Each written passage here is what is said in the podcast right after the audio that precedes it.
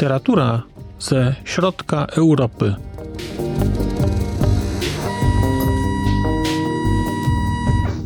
Podcast około książkowy. Dzień dobry, dobry wieczór. Przed mikrofonem Marcin Piotrowski. Zapraszam Państwa do wysłuchania kolejnego odcinka podcastu około książkowego Znak litera człowiek. Dzisiejszym odcinku chciałem Państwu opowiedzieć nieco o książce Dejo Kostolaniego Złoty latawiec. Książka uchodzi za klasykę literatury węgierskiej. Ukazała się w Polsce w roku 2020 nakładem łódzkiego wydawnictwa Oficyna, a polski przekład przygotowała pani Irena Makarewicz. Warto powiedzieć na początku, że Złoty Latawiec był chyba najczęściej rekomendowaną mi przez słuchaczki i słuchaczy książką do przeczytania i właściwie przez pół roku pojawia się regularnie przy różnego typu komentarzach i sugestiach. Złoty Latawiec, świetna powieść. Wszyscy rekomendowali.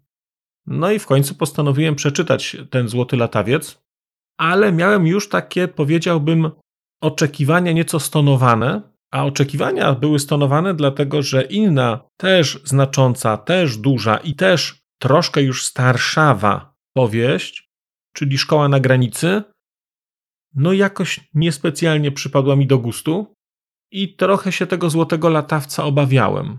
Obawiałem się, że ta książka będzie jakaś taka już nie dzisiejsza, nazwijmy to, i że się podmęczę na niej troszkę.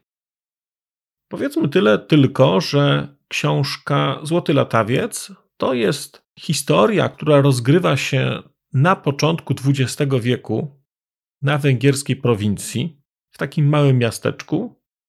I jest to książka, w której właściwie mamy dwa główne wątki. Mamy więc wątek nauczyciela matematyki i egzaminu maturalnego, do którego uczniowie są właśnie przygotowywani i który to egzamin maturalny zdają. I to jest ten pierwszy wątek, nazwijmy go szkolnym. I jest jeszcze drugi wątek, który można byłoby określić mianem miłosnego, uczuciowego, i to jest wątek romansu córki tego nauczyciela z jednym z uczniów. Te dwa wątki są dosyć niezależnie prowadzone i oczywiście są jakieś miejsca, gdzie one się przenikają, ale tak naprawdę to są dwie różne historie i na dwie różne historie trzeba tutaj po prostu patrzeć. To był właściwie wstęp, co wszystko opowiedziałem. Teraz chciałem zrobić rozwinięcie, jak w prawdziwej rozprawce jakiejś. Rozwinięcie, czyli refleksje, które napisałem sobie a propos książki Złoty Latawiec. Pierwsza rzecz, i to było dla mnie niesamowite.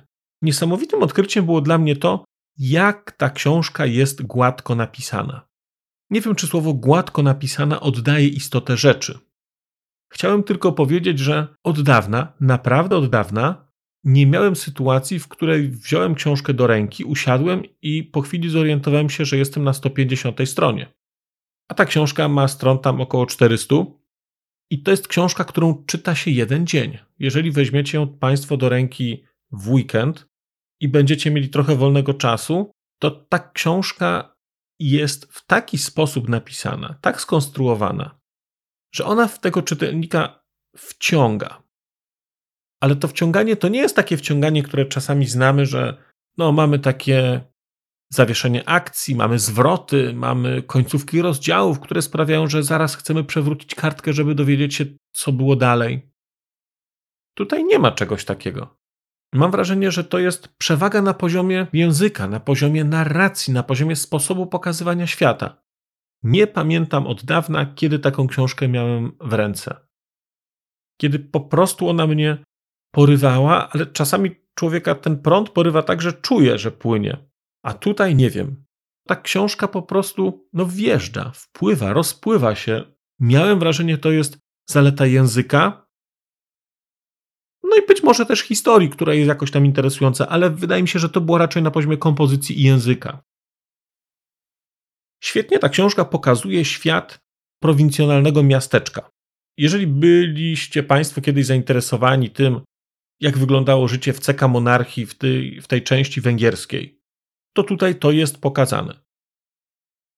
Co ciekawe, to jest trochę inne pokazanie niż u Giuli Krudiego, bo tam też były miasteczka, ale tam były miasteczka górnych Węgier, czyli Słowacji, a tutaj mamy miasteczka tych takich, nazwijmy to, Węgier środkowych czy południowych w tym momencie, bo te miasteczka, które tutaj są pokazane, później nie były już miastami węgierskimi, ale do tego za chwilę przejdziemy. Więc mam w tej książce pokazany świat takiego małego miasteczka z jego taką nudą, z jego takim zakurzeniem, wycofaniem, trochę wewnętrznym takim światem plotek. No, mała, niewielka, wsobna społeczność. I tutaj to możemy zobaczyć. Mamy w końcu trochę powieść, nazwijmy to o charakterze szkolnym. Widzimy tutaj ludzi, którzy są w wieku około 20 lat. Oni zdają maturę w tej chwili. Właściwie książka formalnie dzieje się na przestrzeni kilku tygodni. Uczniowie ostatniej klasy przygotowują się do zdawania egzaminu maturalnego, ten egzamin zdają później, później jest jeszcze coś tam się wydarza, ale to nadal to jest kilka tygodni. I o ile w szkole na granicy mieliśmy młode dzieciaki, o tyle tutaj mamy osoby, które po zdaniu tego egzaminu maturalnego dostępują zaszczytu korzystania z tytułu pan. I bardzo się z tego cieszą. To jest kilka takich naprawdę bardzo ciekawie pokazanych scen, jak następuje ten moment przejścia.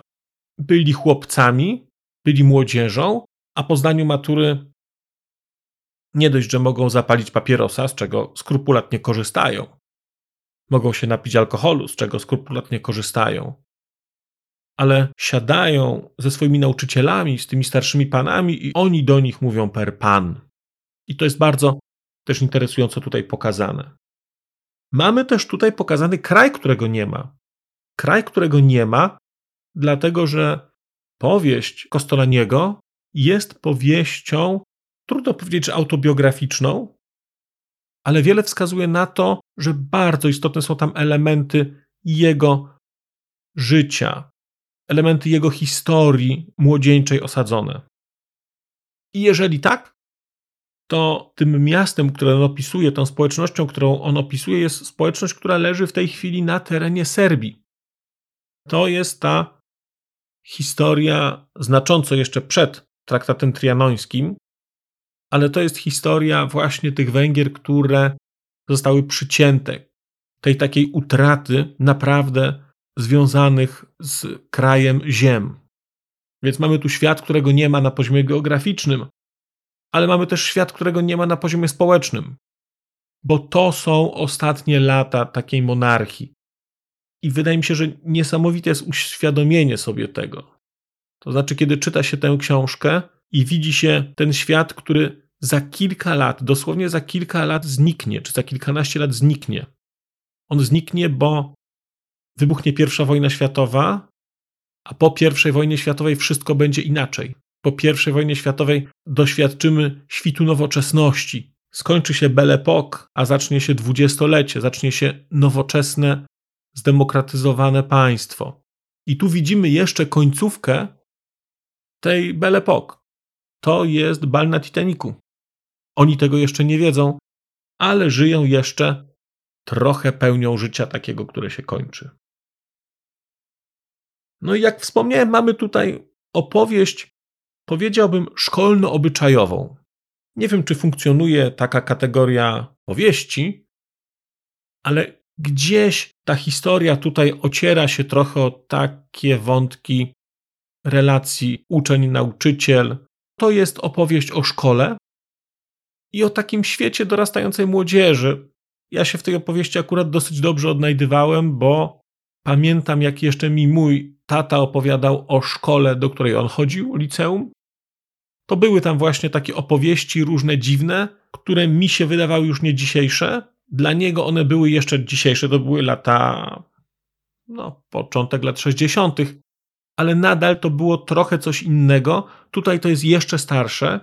Tutaj te historie są jeszcze bardziej takie, powiedziałbym, konserwatywne, ale to jest taka szkoła w starym stylu.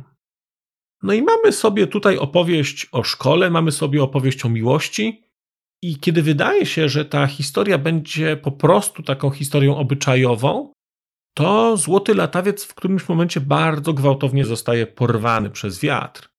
I ma miejsce wydarzenie, które wiele zmienia. My widzimy, jak do tego wydarzenia dochodzi, widzimy, co się wydarza, a później, mam wrażenie, jesteśmy zaskakiwani przez rozwój sytuacji, bo widzimy swego rodzaju eskalację czegoś. Co ciekawe, ta eskalacja jest eskalacją nie tylko na poziomie fabuły, ale ta eskalacja jest także eskalacją na poziomie umysłowości, na poziomie odczuć głównego bohatera. No i rzeczywiście rozwija się bardzo, bardzo gwałtownie i doprowadza do czegoś, co najkrócej można byłoby określić jako tragedię. Nie będę Państwu oczywiście książki opowiadał. Mam wrażenie, że to, co mówię, jeżeli chcecie Państwo po tę książkę sięgnąć, powinno Wam wystarczyć, ale wydaje mi się, że spoilowanie tutaj nie byłoby dobrym pomysłem. Teraz chciałbym przejść do zakończenia, czyli do apelu. Apel do tłumaczy, apel do wydawców oraz do czytelników. Szanowni Państwo, weźcie sobie książkę Złoty Latawiec i przeczytajcie posłowie do tej książki. Posłowie, które przygotowała tłumaczka pani Irena Makarewicz. To jest drugie posłowie pani Ireny, z którym się spotkałem, bo spotkałem się także z posłowiem przy książce Salon Wiosenny, którą wkrótce Państwu zaprezentuję. Ale posłowie w książce Złoty Latawiec to jest absolutne mistrzostwo świata. I mam takie wrażenie, że jest jakąś intelektualną nieuczciwością ograniczanie czytelnikom szansy na dogłębne poznanie utworu poprzez niewymaganie od tłumaczy pisania tekstów na temat tekstu, który przetłumaczyli. Dzięki pani Irenie Makarewicz lektura tej książki, która jest głęboko zanurzona w kontekście kulturowym węgierskim, bardzo głęboko. Lektura tej książki jest znacznie pełniejsza. W tej książce znajdziecie Państwo sporo przypisów, ale przypisów nie wyjaśniających, kto kiedy żył, tylko przypisów pokazujących kontekst kulturowy danych wręcz zwrotów. Kiedy ktoś mówi, że tutaj zajrzy jakiś czarodziej, to mamy przypis mówiący o tym, jak funkcjonowało wtedy w postrzeganiu społecznym czy w postrzeganiu dziecięcym postać czarodzieja. Z czym to się wiązało. Tego typu rzeczy jest tutaj mnóstwo. Pani Irena zwraca uwagę na gry słów, zwraca uwagę na zmiany granic, na programy nauczania. To jest absolutnie rewelacyjna rzecz. To samo, od razu mówię, będzie w książce Salon Wiosenny. Tam też jesteśmy bardzo mocno wprowadzeni w kontekst. To jest świetne. I kiedy wydawało mi się, że same te przypisy wystarczą do tego, żebym tę książkę w pełni zrozumiał, to potem przeczytałem posłowie i kiedy przeczytałem posłowie, to się zachwyciłem i stwierdziłem, że będę tego oczekiwał od tłumaczy, że będą tego typu rzeczy robić. Nie wiem dlaczego tak jest, ale mam wrażenie, że w książkach węgierskich, które czytałem, jest dużo więcej tego kontekstu wprowadzone przez tłumaczy niż w książkach innych literatur. Nie wiem, czy jest to jakaś forma wpływu na studentów hungarystyki, w książkach węgierskich, w literaturze węgierskiej, regularnie na takie rzeczy trafiam. Regularnie trafiam na wyjaśnienia, regularnie trafiam na posłowia, które wyjaśniają rzeczy w książce, które naświetlają rzeczy w książce, bo oczywiście Złoty Latawiec można przeczytać bez tego. I ja czytałem ten Złoty Latawiec bez tego. Ale dopiero kiedy przeczytałem posłowie, to zrozumiałem mnóstwo rzeczy, które w tej książce są, a które normalnie by umknęły. Nie zdawałem sobie sprawy na przykład, że tłumaczka musiała podjąć trud wyboru wersji, którą będzie tłumaczyła, bo ta powieść ma kilka, jeżeli nie kilkanaście wersji. Pierwotnie ukazywała się jako powieść w odcinkach w gazetach. Później była jakaś wersja połączona. Co więcej, wersja połączona, czy któreś wczesne wersje książki jako całości, były, żeby było taniej, wydane bez węgierskich znaków diakrytycznych, a przynajmniej bez części, bez tych rzadszych znaków diakrytycznych. Co spowodowało, że brzmienie niektórych rzeczy mogło być inne i prawdopodobnie było inne. Kostolani przygotował także wersję tej książki dla młodzieży, co oznacza, że wyleciały całe fragmenty, cały wątek miłosny, nazwijmy to, z tej książki wyleciał. Zamiast niego pojawił się inny wątek. Tych wersji w ogóle było kilka. I pani Irena Makarewicz musiała wybrać jedną z wersji, którą uzna za kanoniczną i ją przetłumaczyć. Niesamowita historia. Do tego pokazanie postaci autora, jego rola w węgierskim życiu literackim też bardzo wiele wnosi.